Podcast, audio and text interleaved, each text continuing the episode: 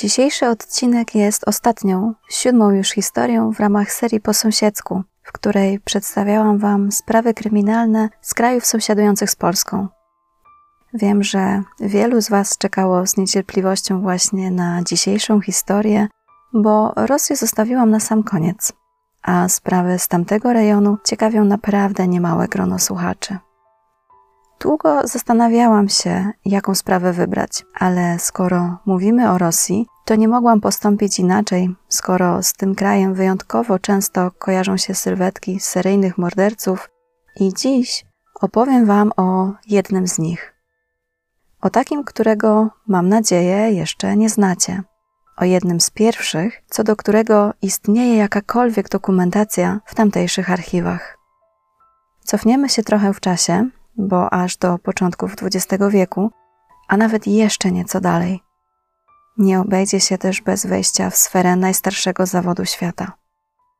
Zapraszam Was do poznania historii mężczyzny okrzykniętego mianem rosyjskiego Kuby Rozpruwacza. Nadszedł 1909 rok. Jest 1 lipca. Rybacy łowiący ryby na rzece Newa przepływającej przez Sankt Petersburg, mniej więcej na wysokości znajdującego się tuż obok placu banku, czyli dość gwarnego i tłocznego miejsca, natrafiają na ciało młodej kobiety. Początkowo, nie przyglądając się jej za bardzo, są przekonani, że utonęła. Chwilę później jednak przyjdzie im zrozumieć, że spotkał ją inny los, o czym świadczą liczne głębokie rany. Łącznie jest ich dwanaście. Ten, kto się ich dopuścił, używał noża i skupił się na górnej części ciała jej twarzy, szyi, klatce piersiowej i ramionach. Po wszystkim, kiedy kobieta wyzionęła ducha, wrzucił ją do rzeki. Tak właśnie zakończyła swoje życie zaledwie dwudziestoletnia prostytutka Anna Blumentros, i tutaj, żebyśmy lepiej zrozumieli i poczuli klimat tamtych czasów i tych wydarzeń, chciałabym na chwilkę zatrzymać się i przybliżyć Wam krótko, jak na przełomie XIX i XX wieku wyglądało uprawianie tego zawodu w Imperium Rosyjskim. Pierwsze domy publiczne pojawiły się w Moskwie i miało to miejsce w XVII wieku. Oficjalnie nazywano je domami tolerancji, ale do tolerancji w praktyce było im daleko, bo niedługo po ich powstaniu sprzedawanie swojego ciała zaczęło być penalizowane przez władze. Kobiety były wyłapywane i osadzane w przędzalniach, które stanowiły dla nich niejako substytut więzienia. Pracowały tam pod przymusem i były żywione jak więźniowie.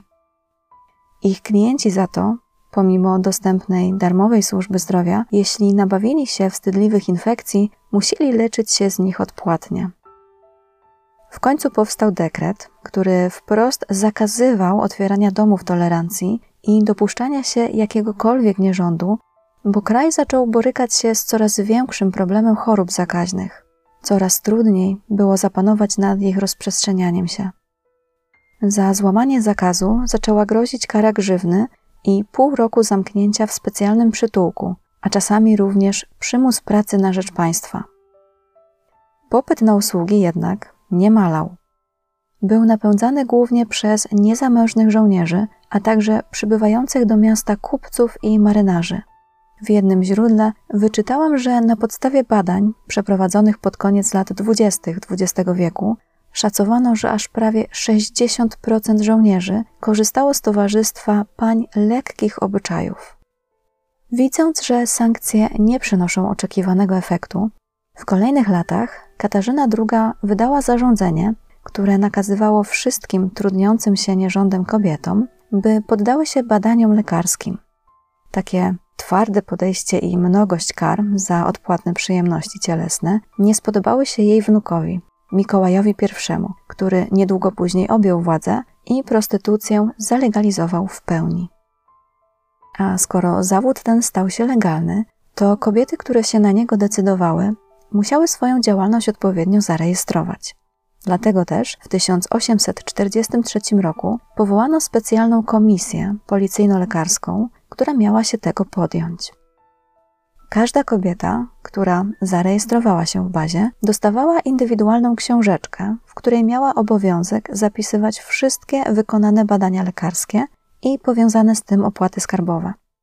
Miało to na celu umożliwienie kontroli i zapanowania nad ciągle rozrastającym się biznesem, ale też zapewnienie większego bezpieczeństwa osób korzystających, ale też świadczących usługi seksualne.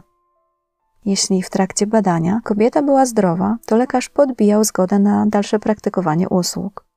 Ważność takiego dokumentu musiała też być okresowo przedłużana na policji. Taką książeczkę nazywano żółtym biletem albo żółtym paszportem, a nazwa wzięła się od koloru papieru, z jakiego ten dokument był wykonany. Żółty paszport składał się z ośmiu stron. Na pierwszej umieszczano zdjęcie kobiety, na kolejnej jej miejsce pracy, a pozostałe służyły do adnotacji dotyczących jej aktualnego stanu zdrowia. Legalizacja przyniosła jeszcze inne przepisy. Wydano regulamin dla domów tolerancji i osób z nimi powiązanych, czyli pracujących tam kobiet i opiekunów tych domów, bo każdy taki dom miał swojego opiekuna, a dokładniej mówiąc, opiekunkę bowiem pieczę nad nim mogła objąć tylko godna zaufania kobieta w przedziale pomiędzy 30 a 60 rokiem życia, a zgoda na to była wydawana przez policję, która wcześniej kandydatkę odpowiednio musiała zweryfikować. Na mocy tego regulaminu domy publiczne musiały też być specjalnie zabezpieczone przed wzrokiem gapiów, tak żeby nie szerzyć zgorszenia wśród ludzi, ale też ich nie zachęcać do skorzystania z dostępnych tam usług. Trzeba było szczelnie zamykać drzwi i dokładnie zasłaniać okna. Domy miały działać dyskretnie, a to oznaczało też brak jakichkolwiek szyldów, reklam czy oznaczeń. Mogły powstawać tylko w wyznaczonych dzielnicach i w odległości nie mniejszej niż 300 metrów od placówek oświaty i budynków przeznaczonych na cele religijne, czyli na przykład zborów albo kościołów. Co ciekawe, ograniczono nawet swobodę komunikacji z klientami która również musiała być prowadzona bardzo dyskretnie. W praktyce doprowadziło to do wykształcenia się zakodowanego języka, którym posługiwały się wtajemniczone w biznes i zainteresowane strony. Uregulowano też wiek prostytutek, które nie mogły być młodsze niż 16 lat. Taki stan prawny utrzymywał się przez dziesiątki lat, ale prostytucja ponownie została zdelegalizowana za czasów Związku Radzieckiego i nadal nielegalna pozostaje. Wracając jednak do naszej historii. Wyłowioną z rzeki Annę udaje się zidentyfikować właśnie na podstawie żółtego paszportu, który ciągle znajdował się w jej ubraniu. Z kolei ustalenie, czym się trudniła, pozwala śledczym skierować kroki do odpowiedniego i specyficznego kręgu osób. Docierają między innymi do jej sutenerki i koleżanek po fachu, które starają się przypomnieć, kim był jej ostatni klient. Pamiętają niestety niewiele. Jedynie, że był to młody, wysoki mężczyzna z charakterystycznym zarostem, ubrany w długi czarny płaszcz, i noszący na głowie spory kapelusz z szerokim rondem. Wszyscy zwracają uwagę na to, że miał nieproporcjonalnie długie ręce. Mówią nawet, że przez to kojarzył im się trochę z tym, jak wygląda małpa. Drugą znalezioną ofiarą jest Ekaterina Gerus, również trudniąca się nierządem. Straciła życie zaledwie dwa tygodnie później niż Anna. Kobieta była stałą bywalczynią hotelu o nazwie Dunaj, który słynął ze spotkań niezamężnych par chcących oddać się fizycznym przyjemnościom. Tego dnia Ekaterina pojawiła się w Dunaju z nowym klientem. Para wynajęła pokój na jedną noc, do którego zamówiła butelkę wina i trochę słodyczy, które o 21 dostarczyła im obsługa hotelu. Oboje przy rejestracji podali fałszywe nazwiska. Przedstawili się jako Iwanowa i Miszutin. O godzinie ósmej rano z pokoju numer 9, znajdującego się na trzecim piętrze, wyszedł mężczyzna. Napotkał na korytarzu tego samego pracownika, który dzień wcześniej dostarczył im kolację. Przywitał się z nim i poprosił, by za godzinę obudzić jego partnerkę, która jeszcze śpi. Sam musiał już iść, więc nie miał jak zadbać o jej pobudkę w inny sposób. Następnie zszedł po schodach, zapłacił za nocleg i zniknął. Kiedy pracownik, zgodnie z prośbą o godzinie dziewiątej, zapukał do drzwi pokoju, odpowiedziała mu tylko cisza. Zapukał ponownie, tym razem głośniej, ale nadal nic się nie wydarzyło. Zajrzał do środka przez dziurkę od klucza i wydał z siebie donośny krzyk, który obudził wiele innych śpiących jeszcze osób, ale nie dziewczynę w pokoju. Bo ona, cała zakrwawiona, leżała bez życia na łóżku. Później lekarze orzekną, że przyczyną jej śmierci było uduszenie, ale ktoś zadał jej też łącznie ponad 20 ciosów nożem. Część z nich, kiedy kobieta jeszcze żyła. Ekateryny nie udało się łatwo zidentyfikować, przez to, że podała w hotelu fałszywą tożsamość. Za jakiś czas rozpoznają ją koleżanki po fachu, które będą musiały w tym celu odwiedzić kostnicę. Śledczy przystępują do działania. Przesłuchują obsługę hotelu i jego klientów. Przy ofierze znaleziono pieniądze, więc szybko wykluczono motyw o charakterze rabunkowym. Głównym świadkiem jest pracownik, który był wtedy na zmianie i widział Ekaterinę w towarzystwie jej klienta w poprzedni wieczór, a następnie już tylko jego, jak opuszczał nad ranem ich wspólny pokój. To, co rzuciło mu się wtedy w oczy, to jego nienaturalnie długie ręce oraz dziwny ubiór. Mimo upału, jaki wtedy panował, bo mówimy o połowie lipca, klient pojawił się w hotelu ubrany w długi czarny płaszcz i duży czarny kapelusz z rondem. Wszystko wydaje się wskazywać na to, że za tymi dwoma zagadkowymi sprawami stoi ten sam człowiek. Wskazuje na to jego rzekomy wygląd, zbliżone modus operandi, a także to, że obiema ofiarami były kobiety lekkich obyczajów. Informacje te szybko rozchodzą się po Sankt Petersburgu i lokalne prostytutki zaczynają odczuwać duży niepokój. Co prawda, ich zawód nigdy nie należał do bezpiecznych i ogólnie społecznie akceptowalnych, ale słysząc o tym, co stało się ostatnio z ich koleżankami, nie mogły już w ogóle czuć się bezpiecznie. Już nie tylko były stygmatyzowane, ktoś na nie polował. Minęło tylko 10 dni i 24 lipca 1909 roku nastąpił kolejny atak. Tym razem jeszcze bardziej śmiały, bo w biały dzień i to w miejscu, w którym przebywało mnóstwo ludzi. Zinaida Lewin miała jednak dużo więcej szczęścia niż Anna i Ekaterina. Właśnie skończyła zakupy na targu i wracała do domu, kiedy jakiś szalony mężczyzna, krzycząc śmierć piękności, rzucił się na nią z nożem. Ranił ją dwukrotnie. Raz w ramię i raz w brzuch, ale widzący to przechodnie bardzo szybko zareagowali, ruszając jej z pomocą. Co prawda uniemożliwili mu dalszą napaść, ale bandyta umiejętnie im się wywinął i uciekł z miejsca zdarzenia. Zeznania świadków znów wskazywały na mężczyznę o bardzo charakterystycznym wyglądzie. Śledczym coś tu jednak się nie zgadza, bo Zinaida nie jest panią do towarzystwa, a jedynie lokalną pokojówką. Nie pasuje do schematu, który już powoli wszystkim się krystalizował, czyli do ataków na konkretną grupę kobiet a to z kolei rodzi w Sankt Petersburgu ogólną panikę, bo już nie tylko w kręgu prostytutek.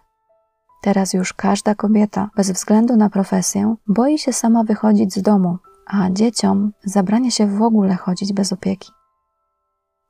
Napięcia rosną, w lokalnej społeczności pojawia się wielki strach, więc dochodzenie obejmuje osobiście miejscowy szef policji, Władimir Gawryłowicz Filipow.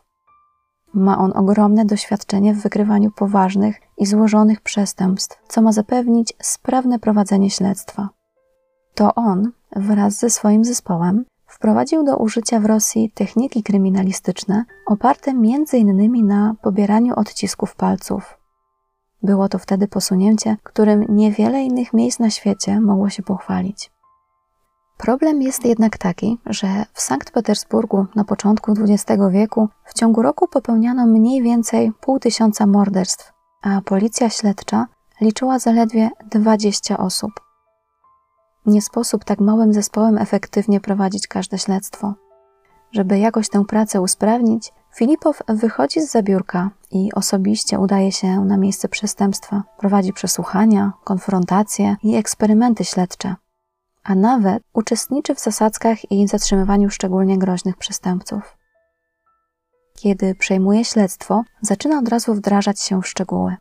Zauważa, że mimo tego, że niedoszła ofiara nie miała związku z domami tolerancji, ani w ogóle z nierządem, to wszystkie trzy zaatakowane kobiety łączy to, że były młodymi i bardzo atrakcyjnymi brunetkami.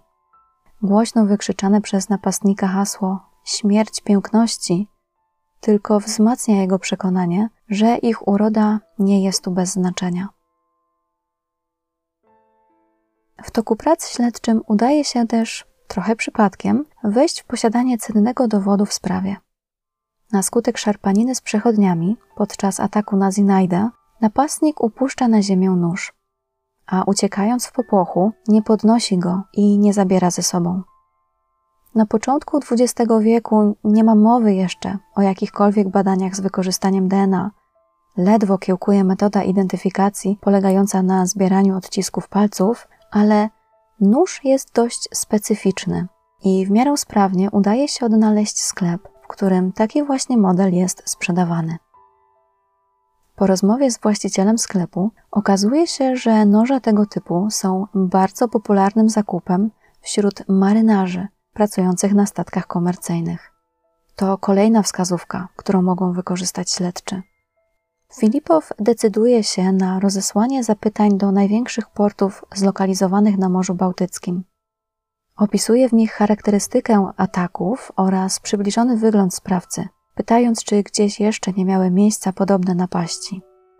Odpowiedzi, jakie zaczynają przychodzić, mrożą wszystkim krew w żyłach. Aż kilkanaście miast, w tym Ryga i Kaliningrad, odpowiada twierdząco. Młode brunetki, zarabiające na życie swoim ciałem, padały ofiarami morderstw. Wszystkie te sprawy nadal pozostają nierozwiązane. W międzyczasie mężczyzna rozgoryczony i rozczarowany ostatnim nieudanym atakiem już następnego dnia próbuje pozbawić życia kolejną kobietę. W tym celu udaje się do domu tolerancji o dość niskim standardzie i wątpliwej reputacji. Wybiera jedną z pracujących tam dziewczyn i idzie z nią do pokoju. A jak tylko się w nim znajdują, od razu rani ją nożem. Dziewczyna jest jednak silna, a dodatkowo napędza ją adrenalina, dlatego udaje jej się uciec z pomieszczenia. Jej krzyki powodują wielką dezorientację wśród wszystkich osób znajdujących się w domu, przez co część z nich w popłochu zaczyna go opuszczać, a niektórzy biegną w stronę dziewczyny, chcąc udzielić jej pomocy. W tym chaosie niezatrzymywany napastnik wyskakuje przez okno i ucieka przed siebie. Tym razem znika aż na dwa miesiące. Na tym etapie śledczy powoli zaczynają deptać mu już po piętach. Z ogromną cierpliwością przesłuchują pracowników domów tolerancji, okolicznych barów, jadłodajni i wszelkich innych miejsc, w których gromadzą się ludzie. Filipow z całym swoim zespołem krąży po mieście, rozpytując mieszkańców, czy czegoś nie widzieli bądź nie słyszeli. Liczy na to, że ktoś coś skojarzy, zwłaszcza, że mężczyzna wydaje się być dość charakterystyczną postacią, ze swoją lekko anormalną budową ciała i ponurym ubiorem niepasującym do pogody. I w końcu ich działania przynoszą kolejny mały sukces. Mianowicie jeden z pracowników w lokalnej tawernie mówi, że przychodzi tutaj pewien stały klient, który łudząco przypomina opisywanego zbiega. Jest nim niejaki Wadim Krowianik. Tym samym śledczy po raz pierwszy słyszą konkretne nazwisko. Wadim to człowiek nacechowany wyjątkowo negatywnie. Zdecydowanie niezrównoważony i przesiąknięty złem. Jest w stu procentach mizoginistą, czyli mężczyzną, który w takim stopniu nienawidzi kobiet, że aż odczuwa do nich wstręt. Jednym z głównych tematów, jakie poruszał w tawernie, był grzech lubieżności i cudzołóstwa, którego dopuszczała się płeć przeciwna. Często komentował też ostatnie ataki, jakie miały miejsce w Sankt Petersburgu, twierdząc, że sprawca nigdy nie zostanie złapany. I co nie umyka spostrzegawczości śledczych, chwalił się również, że pracował na statku handlowym. Mógł zatem być w gronie osób, które posiadały nóż, jakim posługiwał się poszukiwany. Pracownik kojarzy nawet, gdzie mieszka ów mężczyzna, więc śledczy od razu kierują się w tym kierunku. Miejsce to coś na wzór hotelu pracowniczego, gdzie można tymczasowo wynająć pokój za nieduże pieniądze. Zakładam, że często korzystali z takich rozwiązań przyjezdni handlarze albo właśnie marynarze pochodzący z innych miejscowości, ale schodzący na jakiś czas na ląd w Sankt Petersburgu. Niestety, kiedy pukają do drzwi pod wskazanym adresem, dowiadują się, że Wadim wyprowadził się zaledwie kilka dni temu, nie regulując przy tym swojego rachunku za pobyt. Wchodzą jednak do środka, żeby się rozejrzeć i spostrzegają duży napis na ścianie w jego jeszcze niedawnym pokoju. Napis głosi: Śmierć pięknością. Filipow wie, że to nie może być przypadek. Łączy to z innymi zebranymi dotychczas wskazówkami, a przede wszystkim dochodzi do wniosku, że poszukiwany mężczyzna musi pracować na statku, który przypływa do portu m.in. w Sankt Petersburgu. Dlatego też wydaje rozkaz sprawdzenia dwóch list. Pierwsza to lista załóg wszystkich statków, które wpływały do jego miasta, a druga to lista wszystkich gości zatrzymujących się w pokojach hotelu pracowniczego, w którym wcześniej zatrzymywał się Wadim. W tym samym czasie Filipow otrzymuje informację od kapitana jednego z parowców, że pracował u niego mężczyzna, którego prawdopodobnie poszukuje. Portret człowieka, jaki dostał w zapytaniu, idealnie pasuje do niejakiego Nikolaja Radkiewicza. Kapitan opisuje go jako dobrego żeglarza, ale równocześnie całkiem mrocznego dziwaka, który nieustannie mówił o swojej nienawiści do brunetek. Co więcej, daty ataków na kobiety pokrywają się z datami, kiedy Nikolaj schodził ze statku i przebywał w Sankt Petersburgu. Kapitan podaje Filipowi jego adres zamieszkania, który jest identyczny jak ten, pod którym zatrzymywał się Wadim Krowianik. Wtedy wychodzi na jaw, że Wadim i Nikolaj to jedna i ta sama osoba.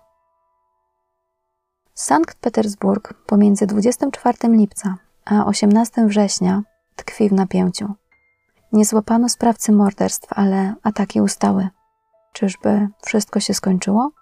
Może mężczyzna wyniósł się na stałe do innego miasta, albo nie żyje?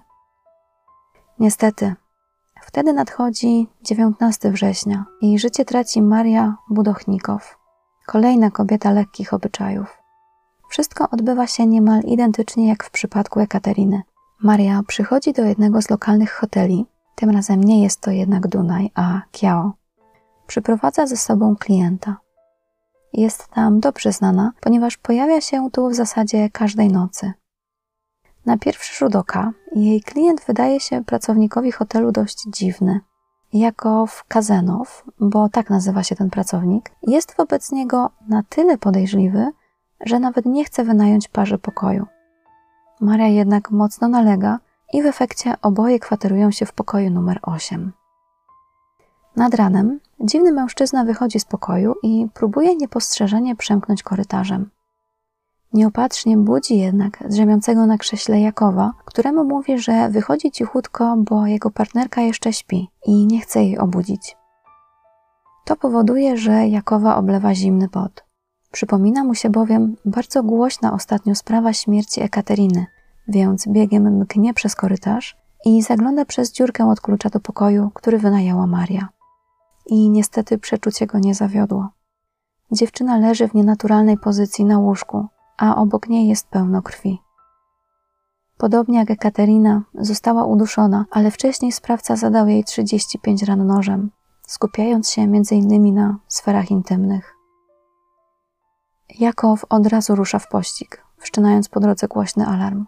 Dobiega do sprawcy i wdaje się z nim w bójkę, ale na szczęście jego krzyki słyszą inni pracownicy hotelu. Pokojówki, dozorcy i portierzy rzucają się, by mu pomóc. Mimo, że Nikolaj próbuje uciec, zdążył już nawet wybić w tym celu okno, to udaje im się go złapać. Zostaje obezwładniony i w końcu przekazany śledczym. Nietrudno było zaobserwować, że z każdym kolejnym atakiem Nikolaj wpadał w coraz większą furię. Ran było tylko więcej i więcej, ale z czasem zmieniało się coś jeszcze. Zaczęła przemawiać przez niego wielka zuchwałość i pycha. Przy łóżku, obok martwej Marii, pozostawił napisany list, krótką notatkę. Było tam tylko jedno zdanie, mówiące o tym, że pieniądze zostały zabrane, bo martwi ich nie potrzebują i że są one za pracę, jaką wykonał, żeby odesłać ją na tamten świat. Chodzi o Marię, czyli Nikolaj, potraktował te pieniądze jako swego rodzaju wynagrodzenie, które jest mu należne za wyświadczenie światu przysługi, jakim było odebranie życia kobiecie żyjącej w grzechu.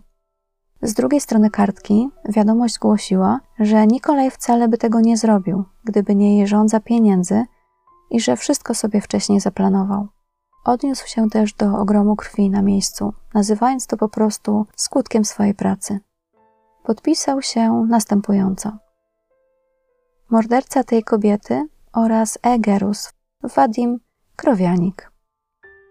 Nikolaj trafił do szpitala psychiatrycznego świętego Mikołaja Cudotwórcy, czyli tego samego, z którego 8 lat wcześniej zbiegł symulujący chorobę psychiczną Józef Piłsudski. Placówka była naprawdę spora, bo mogła pomieścić tysiąc pacjentów i mieściła się w dawnym więzieniu. Dopiero po trzech latach leczenia i bycia pod stałą obserwacją, lekarze stwierdzili, że Nikolaj jest zdrowy na umyśle. Aż tyle czasu zajęło im dojście do porozumienia i wydania jednogłośnej opinii, ponieważ przez tych kilka lat część z nich uważała go za sadystę, który powinien odpowiedzieć za swoje czyny przed sądem, podczas gdy inni lekarze byli przekonani o jego wrodzonych zaburzeniach, które powodowały, że nie był świadomy tego, co robi, a tym samym nie mógł być pociągnięty do odpowiedzialności. Kiedy Nikolaj stanął przed sądem, powiedział w swoim ostatnim słowie, że nie cierpi na żadne zaburzenia psychiczne i jeśli miałby zostać skazany, to najbardziej nie chce trafić do szpitala dla obłąkanych. Mówił wprost: Dożywocie dostanę wśród wariatów. Co to za życie? Lepiej się powiesić. Nie chcąc półśrodków, wnosił o ciężką pracę albo po prostu wolność. I sędziowie, nie wiedząc czemu, posłuchali jego głosu. Obradowali jedynie niewiele ponad półtorej godziny i 10 marca 1912 roku, mimo że uznali go winnym, zostały mu zasądzone jedynie karne ciężkie prace, połączone z zesłaniem na Syberię, tak zwana katorga. Wymiar kary 8 lat. Społeczeństwo oburzyło się na tak łagodny wyrok wobec ogromnego okrucieństwa, jakiego dopuszczał się skazany, ale w ocenie sędziów udowodniono mu winę tylko jednego zabójstwa i jednej próby zabójstwa.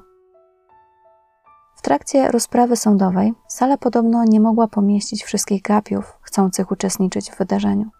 Jeden z reporterów petersburskiej gazety tak opisał pojawienie się Nikolaja na sali.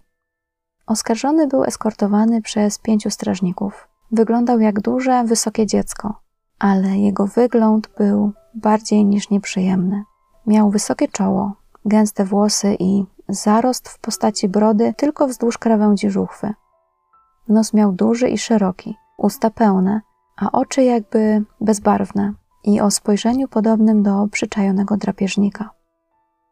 W jego ocenie, jak patrzyło się na Nikolaja, to nie było się pewnym, czy ten człowiek jest szaleńcem, czy po prostu jest na wskroś przesiąknięty złem. Nikolajowi nie było jednak dane dożyć końca niewolniczej pracy. Po czterech latach, na jesień 1916 roku, został zamordowany przez innych zesłanych na Syberię więźniów. Miał wtedy około 25 lat. Przyczyna odebrania mu życia nie jest znana. Jego prawdziwe imię i nazwisko to Nikolaj Władimirowicz Radkiewicz. W Sankt Petersburgu lubił posługiwać się pseudonimem Wadim Krowianik. Nie do końca jest znana jego data urodzenia. Szacuje się, że przyszedł na świat około 1888 roku, co jest szczególnie symboliczne w kontekście późniejszych zdarzeń, ponieważ to właśnie dokładnie w tamtym czasie, w Anglii, grasował nieujęty nigdy Kuba Rozpruwacz. Jego tata był szlachcicem, a swoją wczesną młodość spędził prawdopodobnie w Niżnym Nowogrodzie. Miasto to pełniło wtedy rolę jednego z najważniejszych, o ile nie najważniejszego, centrum handlowego Imperium Rosyjskiego i znajduje się ponad tysiąc kilometrów na południowy wschód od Sankt Petersburga. W Niżnym Nowogrodzie Nikolaj jako młody chłopiec uczęszczał do korpusu kadetów, który pełnił funkcję szkoły kadetów wojskowych dla młodych chłopców. Standardowy okres edukacji w takiej placówce wynosił 7 lat, a naukę można było rozpocząć pomiędzy 8 a 15 rokiem życia. Nikolaj jednak nigdy tej szkoły nie ukończył i wcale nie była to jego decyzja. Został z niej wyrzucony w wieku zaledwie 14 lat, po tym jak na jaw wyszło pewne mroczne zdarzenie, którego się dopuścił. Swoją drogą z kolejnej szkoły również go wyrzucono. O jakim zdarzeniu mowa? Otóż czternastolatkiem zainteresowała się pewna kobieta. Była to ponad dwa razy starsza od niego wdowa po oficerze wojskowym. I może nie byłoby to nic szczególnego, gdyby nie to, że kobieta uwiodła chłopca i wdała się z nim w romans. Relacja intymna jednak szybko się zakończyła i uwodzicielka porzuciła go bez żadnego słowa wyjaśnienia. Spotykając go gdzieś, udawała, że nie wie kim jest. Nie odpowiadała też na jego listy miłosne. Pozostawiła mu po sobie złamane serce, bo Nikolaj zdążył mocno się zaangażować, a nawet zakochać.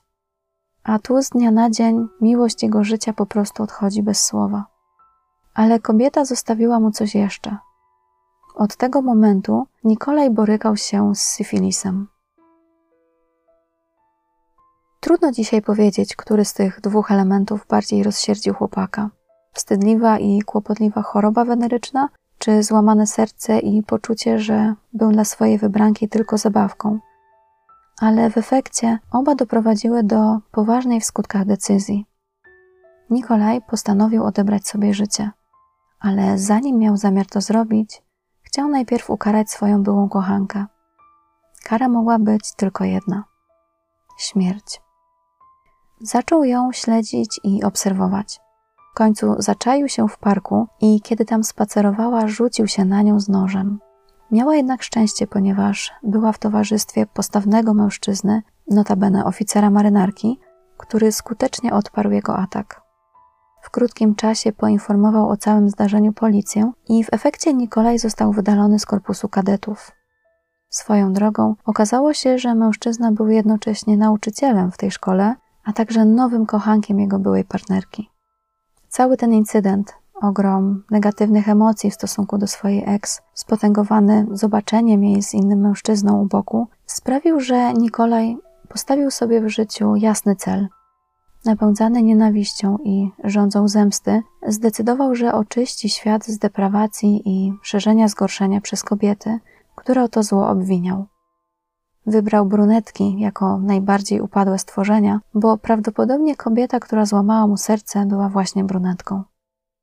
Jak później przyznał przed sądem, namiętność zabijania pięknych kobiet ogarnęła mnie już dawno temu i tylko szukałem ku temu okazji. Prawdziwa liczba zabójstw dokonanych przez Nikolaja nie jest znana. Mężczyzna prawdopodobnie przebywał w wielu miejscach w czasach swojej młodości, zwłaszcza biorąc pod uwagę charakter pracy, jaką wykonywał, czyli będąc marynarzem. Statek przypływał do wielu portów, gdzie przez jakiś czas Nikolaj mógł być całkiem anonimowy, albo mógł wybierać sobie dowolne tożsamości. Mógł być kim tylko chciał, a wiadomo na pewno, że chciał być człowiekiem, który uwolni świat od skalania przez kobiety. Dlatego też lokalne gazety pisały o nim, nazywając go rosyjskim Kubą rozpruwaczem. Niepokojące, nierozwiązane sprawy śmierci brunetek z innych miast z dużym prawdopodobieństwem mogły być jego sprawką. Ale tego już nigdy się nie dowiemy. Kochani, dziękuję Wam za wysłuchanie kolejnej historii. Mam nadzieję, że sprawa Was zainteresowała. Jeśli z jakiegoś powodu nie słuchaliście jeszcze pozostałych odcinków z tej serii, to gorąco zachęcam Was do nadrobienia zaległości. Pamiętajcie też, że każdy Wasz komentarz, ocena czy łapka w górę pozwala mojemu kanałowi pozycjonować się wyżej, docierając tym samym do większego grona słuchaczy. A wiadomo, zwiększająca się liczba wyświetleń i subskrybentów bardzo cieszy twórców, zwłaszcza zajmujących się tematyką true crime, bo w szczególności algorytm na YouTube lubi nam istotnie ograniczać zasięgi. Jeśli macie ochotę, to zapraszam Was też do wsparcia mnie na Patronite albo postawienia mi wirtualnej kawy. Linki znajdziecie w opisie. Trzymajcie się ciepło i do usłyszenia.